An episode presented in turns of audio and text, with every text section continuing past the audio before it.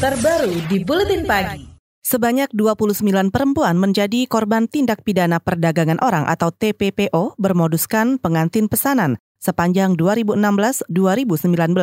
Korban dijanjikan akan menikah dengan orang kaya asal Hainan dan Beijing di Tiongkok.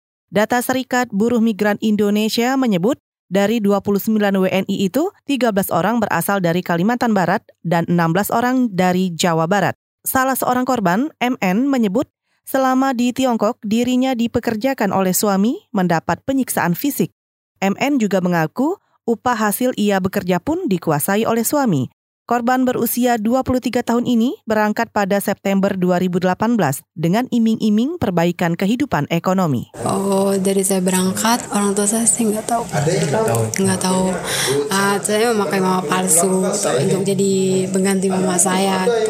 Uh, September tanggal 18 2018, saya melapor ke Polda itu pas di Tiongkok itu mama saya melapor ke Tiongkok bulan berapa ya lupa saya.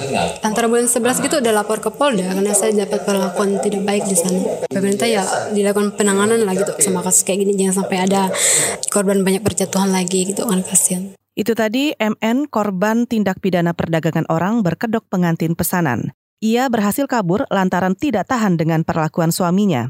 Ia juga sempat melaporkan hal tersebut kepada kepolisian, kepolisian setempat di Cina, namun tidak membuahkan hasil. Saat ini MN mendapatkan pendampingan dari Serikat Buruh Migran Indonesia dan Lembaga Bantuan Hukum atau LBH untuk memproses secara hukum para pelaku yang diduga terlibat dalam jaringan perdagangan orang.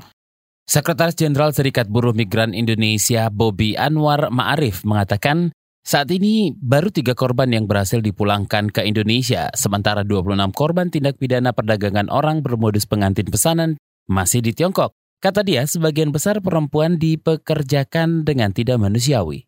Modusnya itu satu mengiming-imingi korban bahwa dia akan menikah dengan orang kaya di China. Karena dia kawin dengan orang kaya, maka kebutuhannya akan terpenuhi. Nah, faktanya itu tidak seperti itu. Misalnya kayak cincin perkawinan aja itu diminta lagi tuh sama suaminya. Terus kemudian di sana juga tidak menikah dengan orang kaya, tapi masyarakat biasa pada umumnya kaya. Faktanya di sana dia kuli konstruksi kayak gitu ya, kuli bangunan. Terus mertuanya ya petani kayak gitu ya.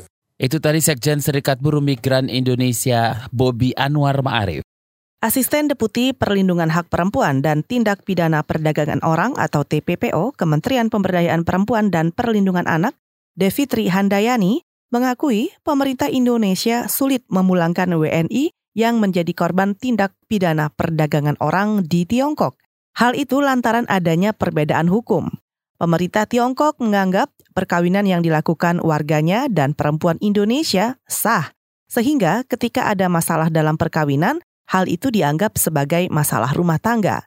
Meski begitu, Devitri menegaskan pemerintah sudah berupaya melakukan pencegahan dan menangani korban tindak pidana perdagangan orang. Peran pemerintah tentunya untuk ini Mbak. Yang pertama mencegah ya. Kita mencegah, kita uh, memberi sosialisasi pemahaman kepada masyarakat tentunya. Dan juga um, uh, tentunya kerjasama juga dengan pemerintah daerah ya. Kemudian uh, kita uh, melakukan uh, penang, pen, penanganan. Kalau sudah terjadi korban, kita melind, uh, memberikan pelayanan terhadap korban yang dia butuhkan.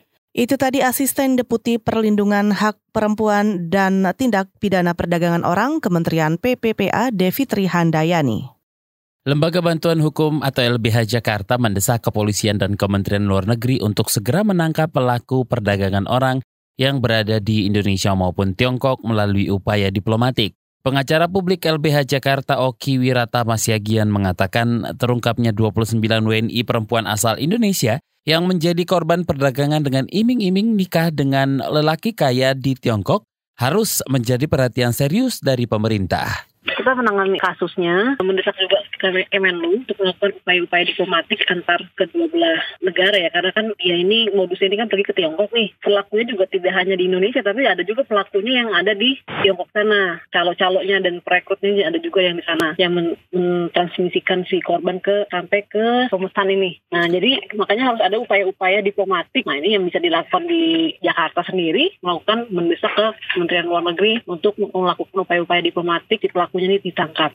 Selain langkah diplomatik, pengacara publik LBH Jakarta Oki Wiratama Siagian menambahkan pihaknya juga meminta polisi memburu pelaku tindak pidana perdagangan orang.